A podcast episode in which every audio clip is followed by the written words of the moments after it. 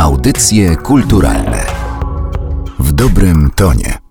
Przed mikrofonem Magdalena Miszewska. Zapraszam na kolejny odcinek Audycji Kulturalnych. E, Dziś będziemy rozmawiać o Oscarach, e, żeby zadać kłam temu, że o Oscarach mówi się tylko przez kilkanaście dni albo ewentualnie kilka tygodni w roku. Katarzyna Czajka-Kominiarczuk, autorka bloga Zwierz Popkulturalny, współprowadząca podcast Zombie vs. Zwierz, e, miłośniczka kina, dziennikarka filmowa i co dzisiaj najważniejsze, autorka książki Oscary, sekrety największej nagrody filmowej jest ze mną. Cześć. Cześć. I na początek zacznijmy od tego, jak ma się w ogóle poczciwy Oscar. To już 91 lat, z jego kondycją może być różnie i chyba faktycznie jest teraz w takim momencie swojego życia, że będzie musiał coś ze sobą zrobić. Tak, to znaczy rzeczywiście Oscary są na rozdrożu, bo te najważniejsze dla Akademii wyniki, wyniki oglądalności spadają. Także jest coraz większa frustracja, wydaje się, wśród widzów, ponieważ ten film Oscarowy, który zdobywa od dobrych dwóch, trzech dekad kolejne nagrody, zaczął się widowni troszkę nudzić i widownia trochę się domaga tego, żeby Oscary uznały znaczenie filmów wysokobudżetowych, tych, które widzowie widzieli, na których przeżywali swoje emocje. Do tego wszystkiego ta najważniejsza z punktu widzenia Akademii Gala, czyli ceremonia rozdania Oscarów, w ostatnich latach no, wiązała się z licznymi kontrowersjami. W tym roku mieliśmy taką specyficzną galę drugi raz w historii bez prowadzącego i wydaje się, że po prostu jeśli Oscary mają przetrwać, to muszą w jakiś sposób dostosować się do tego zmieniającego się kina. Muszą przede wszystkim przekonać do siebie młodych widzów. Dlatego, że kiedy patrzymy na rozpiskę, kto te Oscary ogląda i kto je przeżywa, no to okazuje się, że to są głównie osoby w średnim wieku. I jednocześnie jakby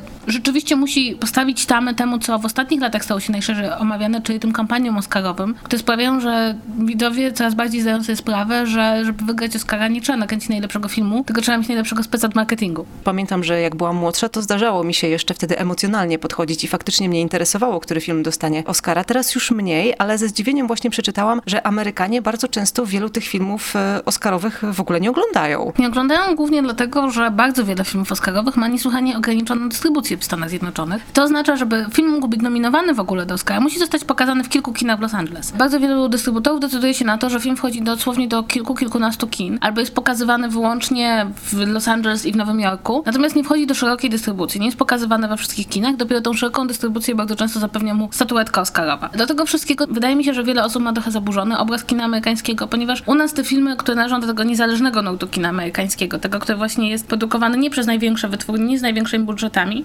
wchodzą normalnie do kin, tak samo jak największe produkcje wysokobudżetowe. Tymczasem w Stanach Zjednoczonych jest bardzo wiele miejscowości, w których wchodzą wyłącznie te wysokobudżetowe filmy. I nikt na przykład takiego Green Book nie pokaże, czy Moonlight było takim przykładem filmu, który miał niesłychanie ograniczoną dystrybucję. W Stanach Zjednoczonych przed ceremonią Oscarową grano go na 600 ekranach. Jest to kraj, który zajmuje cały kontynent. To jeśli weźmiemy to pod uwagę, to nagle się okaże, że po prostu nie to, że Amerykanie nie chcą tych filmów oglądać, tylko czasem fizycznie nie mogą ich obejrzeć. I to też wpływa na popularność gali Oscarowej, dlatego że są to z punktu widzenia bardzo wielu amerykańskich widzów produkcje zupełnie niszowe. Bardzo często są to produkcje, na które jakby oni nigdy by sami nie poszli, bo na przykład są z napisami albo są brytyjskie.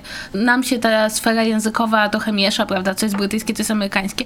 Tutaj to jest dosyć wyraźne rozgraniczenie. I to jest dosyć ciekawe, dlatego że Oscary są traktowane jako taka wizytówka Hollywood, prawda? Co Hollywood w danym roku zaprezentowało, a tymczasem prawda jest taka, że Oscary są pewnym performancem Hollywood przed całym światem i też przed samym sobą, co Hollywood chciałoby prezentować swoim widzom. To jest tak, że Hollywood to są produkcje Marvela, to są Transformersy, to są Szybcy i Wściekli 7, ale to nie są filmy, które mogą dostać Oscara. I to jest moim zdaniem bardzo ciekawe zjawisko, które przyczynia się do tego, że Oscary dla samej widowni amerykańskiej stają się coraz mniej znaczące, bo po prostu ta widownia nie czuje łączności z tymi filmami. Czytając twoją książkę zastanawiałam się, po co jeszcze Akademii te Oscary, bo jakby w początkach przyznawania tej nagrody, to i przemysł filmowy był w zupełnie innym stanie i dało się to wszystko jakoś e, zorganizować e, bardziej kameralnie, bo członków Akademii było mniej, filmów, które powstawały było mniej, więc wtedy faktycznie ta nagroda miała jakieś przełożenie na to, co dzieje się w ogólnie pojętym kinie amerykańskim. Teraz po tylu latach, kiedy dzieje się tego tak dużo, aż dziwne, że jeszcze do tej pory nie zaszły przy przyznawaniu nagród jakieś e, poważne zmiany. Wydaje mi się, że jeśli zadajemy sobie pytanie, dlaczego Akademia rozdaje te nagrody, to powiedzmy sobie szczerze, bo każdy lubi dostać co pewien czas nagrodę. Jest to nadal wyróżnienie prestiżowe. Jest to wyróżnienie także do pewnego stopnia biznesowe. To znaczy polega to na tym, że aktorzy i reżyserzy, czy operatorzy, którzy dostają nominacje, czy wyróżnienie nawet, mogą liczyć potem na większe pieniądze przyznane przez producentów. Pamiętajmy, że nagroda za najlepszy film trafia do producentów. No i ja nie wyobrażam sobie, żeby hollywoodzcy producenci odmówili sobie kiedykolwiek dostania złotej statuetki. To jest taka grupa ludzi. Wydaje mi się też, że to jest do pewnego stopnia element takiej kultury budowania pewnego mitu Hollywood, budowania mitu Hollywood jako miejsca, gdzie są twórcy, którzy spełniają swoje wielkie marzenia i opowiadają wspaniałe ludzkie historie. Oczywiście to się niekoniecznie zgadza z tym najbardziej mainstreamowym kinem, gdzie bardziej rządzi product placement i to, ile milionów czy miliardów dolarów da się zarobić. Ale wydaje mi się, że w tym momencie Oscary są potrzebne najbardziej amerykańskiemu środowisku filmowemu. Też trzeba zwrócić uwagę, że w ostatnich latach nastąpiła pewna zmiana. To znaczy Oscary się bardzo tworzyły na kino międzynarodowe i na twórców. No w tym roku mieliśmy bardzo ciekawą sytuację, prawda, gdzie wśród nominowanych reżyserów mieliśmy Greka, Polaka i Meksykanina. To jeszcze kilkanaście lat temu w ogóle byłoby nie do pomyślenia, że twórcy kina europejskiego czy kina nieanglojęzycznego mogą wyjść z tej kategorii, prawda, najlepszy film nieanglojęzyczny i pojawić się w innych kategoriach. Więc widać, że Oscary troszeczkę ewoluują, że tutaj jest tak próba otworzenia się na kino światowe, jakiegoś takiego zrobienia z tego nagrody już nie tylko hollywoodzkiej, ale także nagrody może pokazującej to takie najlepsze kino, ale jednak nie takie zupełnie niszowe, takie, które ktoś jednak gdzieś widział.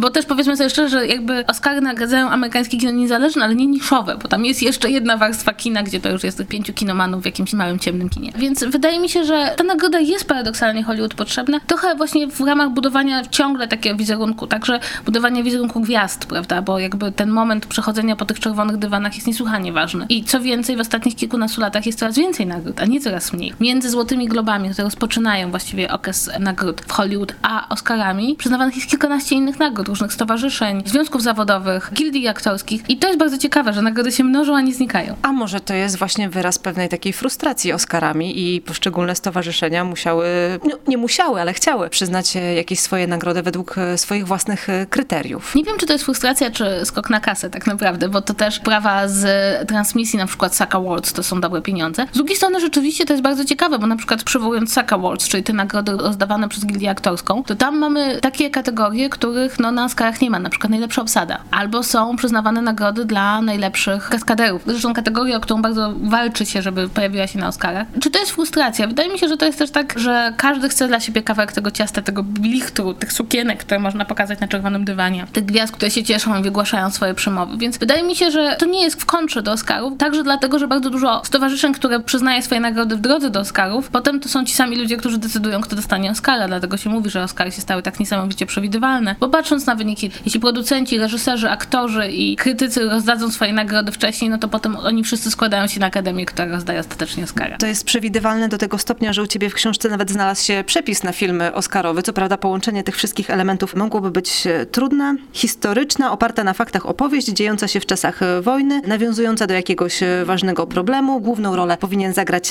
brytyjski aktor.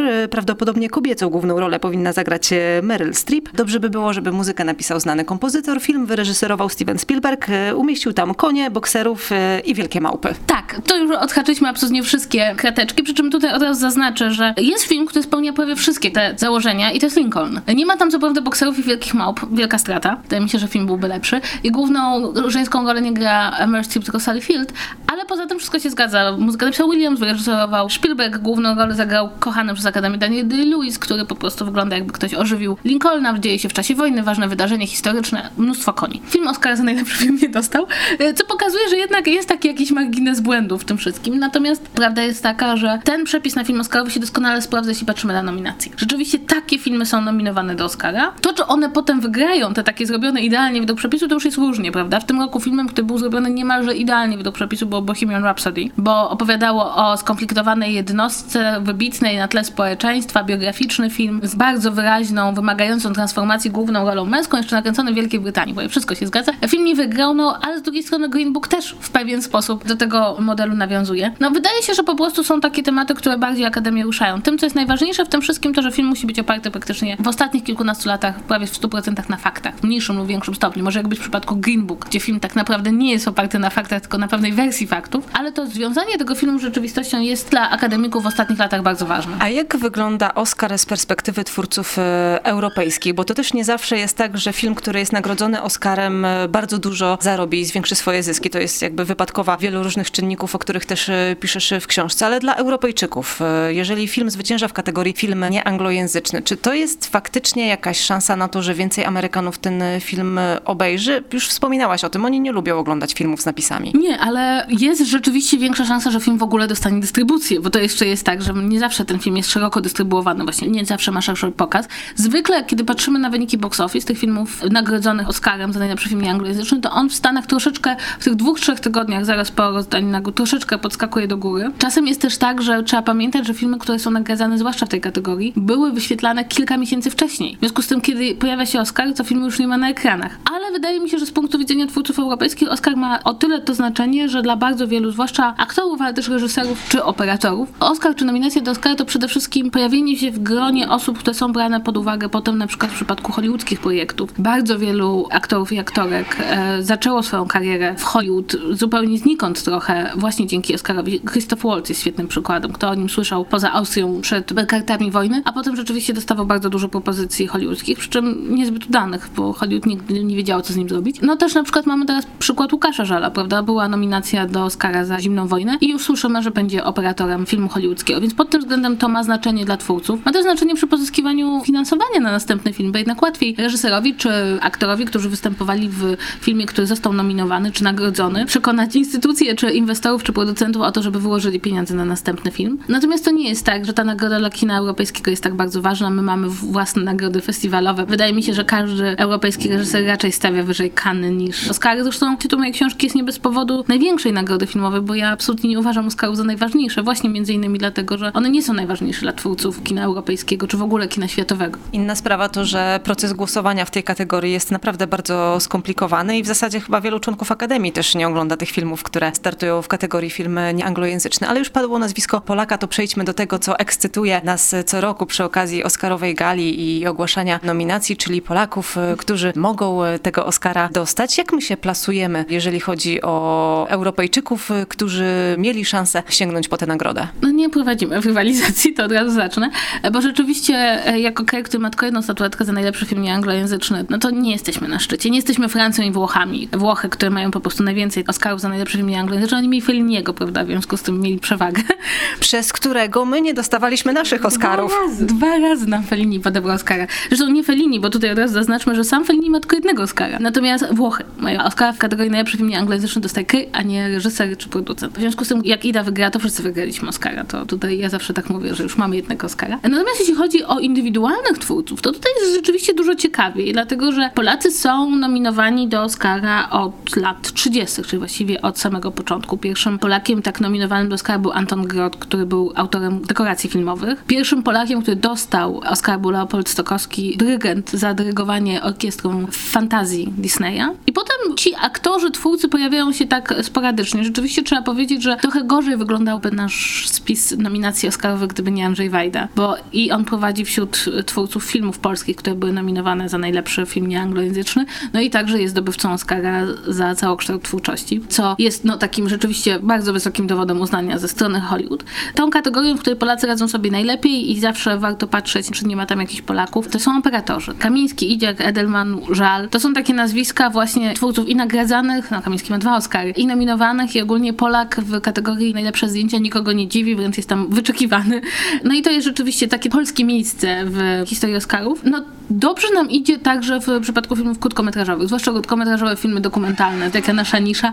Dzieci z Leningradzkiego, nasza Klątwa, Janna, to są takie filmy, które były nominowane, co moim zdaniem jest dowodem na to, że w Polsce jest po prostu bardzo dużo niesamowicie utalentowanych ludzi i granicą bardzo często jest finansowanie. I właśnie w przypadku krótkometrażowych filmów, czy krótkometrażowych filmów dokumentalnych, gdzie tych funduszy trzeba zebrać mniej, no to ten talent polski bardzo dobrze widać. Oczywiście mamy Oscara Romana Polańskiego za reżyserię pianisty, co też jest takim bardzo dużym wyróżnieniem, no ale jest to jednak reżyser głównie związany przez większość swojego życia z kinem poza Polską, więc to też warto o tym pamiętać. No jest świetna historia Idy Kamińskiej i jej występu w czeskim filmie, który najpierw był nominowany do Oscara za najlepszy film nieanglojęzyczny, a w następnym roku zgodnie z zasadami ona była nominowana za najlepszą pierwszoplanową rolę kobiecą. No i to jest rzeczywiście takie naprawdę duże osiągnięcie, bo bardzo trudno się dostać, zwłaszcza z Europy Wschodniej, do tych głównych kategorii aktorskich. Mamy też na swoim koncie, my jako Polacy, takie osiągnięcie Michałka, moje ulubione, czyli jak wybrać się na galę po Oscara, wylądować w więzieniu. Zbigniew Rybczyński nagrodzony za filmy animowany tango. Tak, no jest to historia absolutnie przecudowna i Polska moim zdaniem do szpiku kości. Nagrodę za najlepszy film krótkometrażowy animowany rozdawano na początku gali i Rybczyński polskim zwyczajem postanowił wyjść na papierosa, wyszedł na papierosa, nie zabierając ze sobą zaproszenia ani identyfikatora żadnego. No i kiedy postanowił po wypaleniu papierosa zawrócić do pawilonu, w którym odbywały się rozdanie Oscarów, no to panowie, którzy zajmowali się pilnowaniem drzwi, byli mocno zaniepokojeni widokiem człowieka, który próbuje się wedrzeć z powrotem na galę. No a ponieważ nie było języka porozumienia, natomiast były nerwy i przepychanki, no to Rybczyński wylądował w areszcie, skąd został wyciągnięty dopiero następnego dnia rano, się zorientowano, że go brakuje. Jak sam mówił, wszyscy w areszcie byli bardzo pod wrażeniem i bardzo mu gratulowali. Natomiast jest to jedyny przypadek w historii, kiedy w ogóle zdobywca Oscara wylądował w areszcie, ale sam reżyser i twórca mówił o tym z dużym poczuciem humoru, więc wydaje mi się, że przeżyje, że przywołujemy to wciąż i wciąż tą historię. A czy w areszcie oglądali galę rozdania nagród na żywo? Nie, nie, on musiał im tylko powiedzieć, że wygrał Oscar, co wzbudziło pewne zainteresowanie następnego dnia, kiedy się pojawiły te rzeczy w nagłówkach gazet, to e, było to wielkie poruszenie w całych Stanach, że zaaresztowaliśmy. Zresztą, no to jest to śmieszne, prawda? Tutaj ktoś z Europy Wschodniej przybywa odebrać Oscara, my go wsadzamy do aresztu. Ale mamy też właśnie te osiągnięcia prawdziwe, czyli statuetki odebrane bez żadnych kontrowersji, no chociaż w przypadku IDE te kontrowersje były tylko, że nie na gali, ale w naszym kraju. A jak e, tegoroczne rozdanie nagród? Czy liczyłaś chociaż przez chwilę, że zimna wojna tego Oscara, znaczy liczyłaś? Może liczyłaś, bo jesteśmy jakby z Polski, kibicujemy Polakom i tak dalej, ale czy obstawiałaś i jaka jest szansa, że zimna wojna może dostać Oscara? Przyznam szczerze, że ja od samego początku mówiłam, że tak naprawdę to, czy Zimna Wojna dostanie Oscara, zależy zasadniczo rzecz biorąc od tego, czy Roma jest w stanie wygrać nagrodę za najlepszy film. Moje założenie było takie, że gdyby Roma została wyróżniona nagrodą za najlepszy film, to ci sami akademicy nie wyróżnialiby jednocześnie filmu za najlepszy film, za najlepszy film nieanglojęzyczny i wtedy szansa miałaby Zimna Wojna. Natomiast prawda była taka, że im bliżej było tej ceremonii Oscarowej, im bardziej się wsłuchiwałam w głosy, które nadchodziły z Hollywood, tym bardziej zrozumiałam, że jednak e, Hollywood nie jest gotowe na nagrodzenie czarno-białego meksykańskiego filmu z napisami za najlepszy film. I stało się dla mnie jasne, że Roma wygra w tej kategorii najlepszy film nieanglojęzyczny. Wygra także dlatego, że Netflix wyłożył, na niektórzy twierdzą, około 50 milionów dolarów na promocję tego wśród akademików, więc tutaj oprócz talentu Alfonso Cuarona dołożył się do tego bardzo dobra maszyna marketingowa. Nie miałam raczej wątpliwości, że Paweł Pawlikowski nie wygra w tej kategorii, także dlatego, że pojawił się w ogóle dosyć niespodziewanie w tym zestawieniu, prawda, wypychając z tego zestawienia pięciu najlepszych reżyserów Bradley'a Coopera, który był wcześniej nominowany. Natomiast miałam cichą nadzieję, że może Łukasz Żal dostanie Oscara.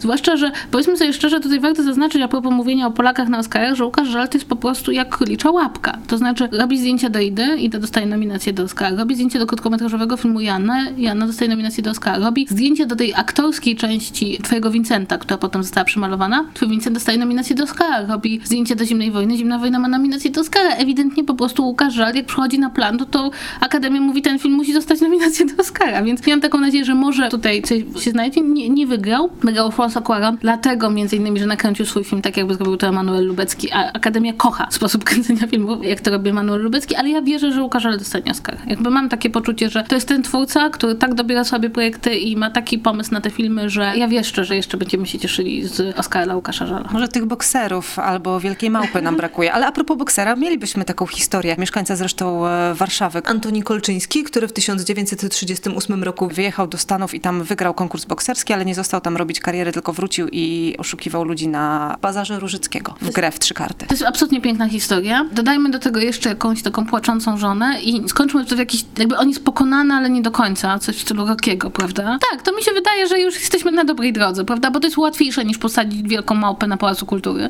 Mniejszy budżet wymaga. I nakręciliśmy tylko to w czerni bieli, bo prawda, wiadomo, że w Polsce nic nie jest kolorowe. I mamy Oscara. Ja myślę, że tutaj, jeśli kiedykolwiek ktoś chciałby, żeby Polski Instytut Sztuki Filmowej, jak będzie dodawał dofinansowania, to może się do nas zgłosić, bo mamy już idealny scenariusz. A czy śledząc to, co się dzieje w polskim i europejskim kinie, czy jesteś w stanie ocenić, czy w ogóle u nas jest jakieś takie myślenie pod kątem Oscarów, że powiedzmy w Stanach jest coś takiego właśnie jak ten film Oscarowy i że wiemy, że wielu producentów czy reżyserów prowadzi te filmy w taki sposób, żeby właśnie one te szanse na Oscara miały. Czy w Europie jest coś takiego, jak takie starania, żeby tego Oscara dostać, czy jednak w związku z tym, że mamy swoje własne europejskie nagrody, to tutaj nie ma takiego myślenia o tym, że tam za wielką wodą coś nas może czekać? Nie wydaje mi się, żeby było takie myślenie. Wydaje mi się, że rzeczywiście europejskie kino jest nastawione na chociażby zwycięstwa w Cannes, prawda? I tutaj można się zastanowić, czy istnieje film kaneński i tutaj rozkładać na czynniki pierwsze, jakie historie tam są nagradzane. Natomiast z punktu widzenia w ogóle twórców europejskich najważniejsze w kontekście Oscarów za najlepszy film nieanglojęzyczny i czy w ogóle jakiekolwiek nominacje Oscarowych jest znalezienie odpowiedniego dystrybutora w Stanach Zjednoczonych. Tak jakby olbrzymią przewagą Zimnej Wojny było to, że to Amazon Studios było dystrybutorem w Stanach Zjednoczonych, a Amazon Studios zależy na Oscarach i zależy na tych kampanii, ma na to pieniądze.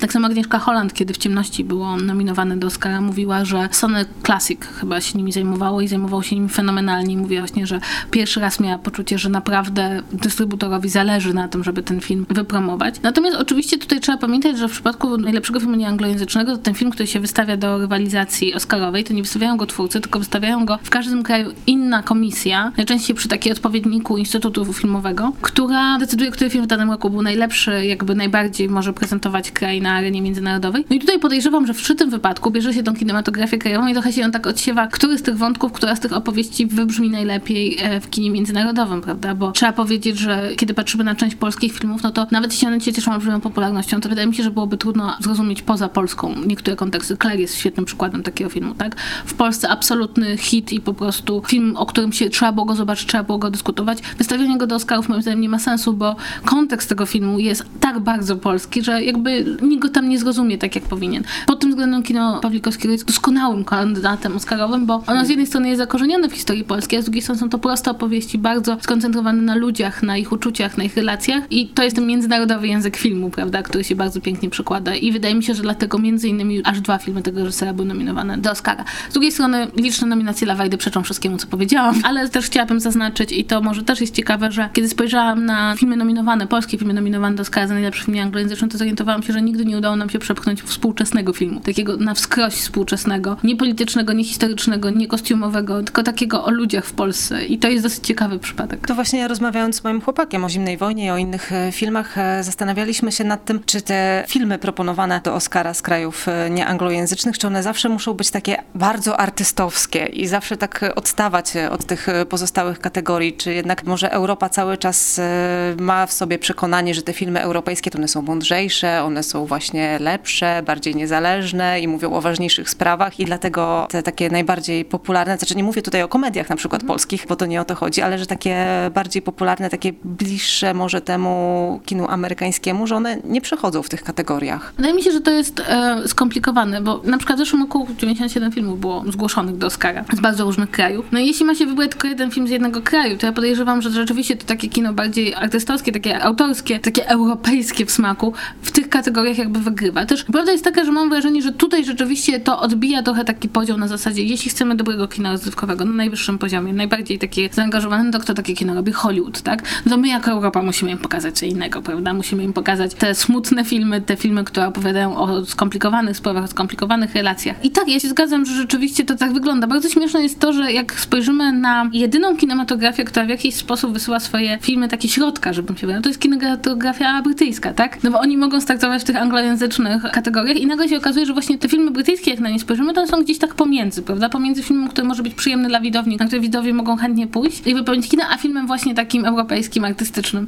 Być może dlatego, zresztą w ostatnich latach Akademia bardzo często nagradza kino brytyjskie, właśnie gdzieś tak pomiędzy tymi dwoma kategoriami, prawda? Co jest europejskie, co jest amerykańskie. Natomiast ja się rzeczywiście absolutnie zgadzam, że jak patrzymy na ten spis nominowanych filmów nieanglojęzycznych, no to to brzmi na zasadzie jeden dzień na festiwalu filmowym, tak? I to dla zaangażowanych y, kinomanów. No ale jakoś się tak utarło. Też wydaje mi się, że to jest trochę tak, jak Hollywood próbuje sprzedać sobie jakąś wersję kina hollywoodzkiego, tak samo Europa, czy właściwie świat, bo to przecież światowe są filmy, wysyłając takie, a nie konkretne tytuły, w pewien sposób tworzy jakąś wizję kina europejskiego i tak te dwie wizje się spotykają. No ale przede wszystkim wydaje mi się, że to jest odbicie także tego, że to są filmy, które bardzo często są nagradzane w Cannes, w Berlinie, w Wenecji, na tych dużych festiwalach europejskich, prawda, że no, prawie co roku film, który zdobył nagrodę albo Grand Prix w Cannes, albo Złotą Palmę, albo nagrodę reżyserską znajduje się w tej puli. Co więcej, tak zmieniono system głosowania, żeby na pewno można było ten film dołączyć, bo raz pominęli akademicy film, który wygrał w Cannes i trzeba go było dopisywać do takiej shortlisty nominowanych filmów. Więc wydaje mi się, że to troszeczkę jednak odbija gusta, powiedzmy, jury dużych festiwali filmowych. Albo może po prostu Amerykanie uważają, że to kino europejskie takie jest i po prostu takie musi być i nic się tutaj nie zmieni. To na koniec jeszcze gala, bo to jest nieodłączna część Oscarów. Ty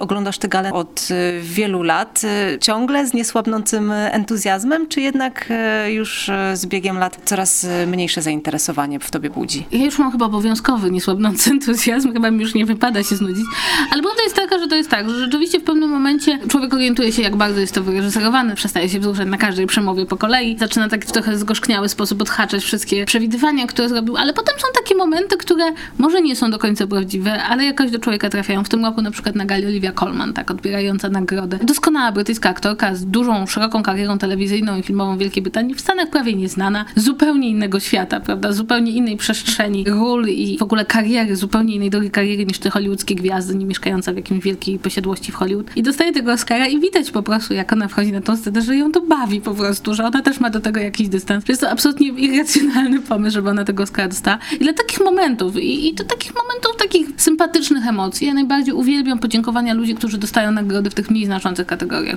Reżyserzy krótkometrażowych filmów dokumentalnych, tak? Oni przecież na tych galach nigdy nie bywają, nikim czerwonego dywanu nie rozkłada pod mieszkaniem. Oni siedzą w jakiejś piwnicy i montują ten film dokumentalny za ostatnie pieniądze i wypożyczają samochód, żeby móc przyjechać na te Oscary i to jest jakaś stara Honda. I oni nagle znajdują się w centrum tego Hollywood i zostają przeniesieni z tej perspektywy jakichś zupełnych peryferiów świata kina do samego centrum. I te emocje, które u nich są i to w ogóle niedowierzanie i świetna zabawa, którą widać, że oni mają. I to się udziela. Ja z tego biorę entuzjazm. Nie z tego, kto wygra za najlepszy film, bo to już rzeczywiście, to już zgorzkniałam trochę, tak? Jestem sobie to w stanie jakoś matematycznie wyliczyć. Ale właśnie z takich emocji ludzi, którzy zupełnie do tego świata nie należą i nagle zostają teleportowani do tej przestrzeni. To może trochę inna sytuacja, ale w tym roku Borys Szyc bardzo emocjonalnie podchodził do swojej obecności na Oscarach i tak szczerze i prawdziwie cieszył się, że tam po prostu jest. Tak, w ogóle były wielkie dyskusje o obecności Borysa Szyca na Oscarach. Niektórzy twierdzili, że absolutnie przekroczył granicę, nie wolno w ten sposób się zachowywać, robić sobie selfie ze wszystkimi. A ja myślę sobie, Borys, super, wszyscy się tak powinniśmy zachowywać. Nie boi się, świetnie się bawi, wykorzystuje tą prawdopodobnie jedną z bardzo nielicznych szans w swojej karierze przejść właśnie z tego kina polskiego do Hollywood. I przyznam szczerze, że zrobiło mi to dzień, bo pomyślałam sobie, że gdybym ja się pewnie tam znalazła, to zachowywałabym się pewnie bardzo podobnie. I wydaje mi się, że to, to właśnie tak jest, takie emocje przez proxy, tak? Że przeżywamy trochę tymi emocjami ludzi, którzy się tam znajdują. Tak samo jak no, najważniejszym elementem tegorocznej gali okazało się, jak Bradley Cooper z Lady Gagą, prawda, przenieśli na chwilę rzeczywistość filmową na scenę. Ja wszyscy mogli przez sekundę się wzruszyć i wyobrazić sobie, że tam jest jakieś wielkie uczucie. I to działa na ludzi. I raz do roku można sobie pozwolić na tego typu emocje. Nie za często, bo to człowiek straci dobre i cyniczne podejście do życia, ale raz do roku to ja sobie też na to pozwalam. To czekamy w takim razie na kolejne rozdanie Oscarów. E, dziękuję Tobie za rozmowę i dziękuję Akademii e, za to, że e, wymyśliła Oscary. Dziękuję. Audycje kulturalne w dobrym tonie.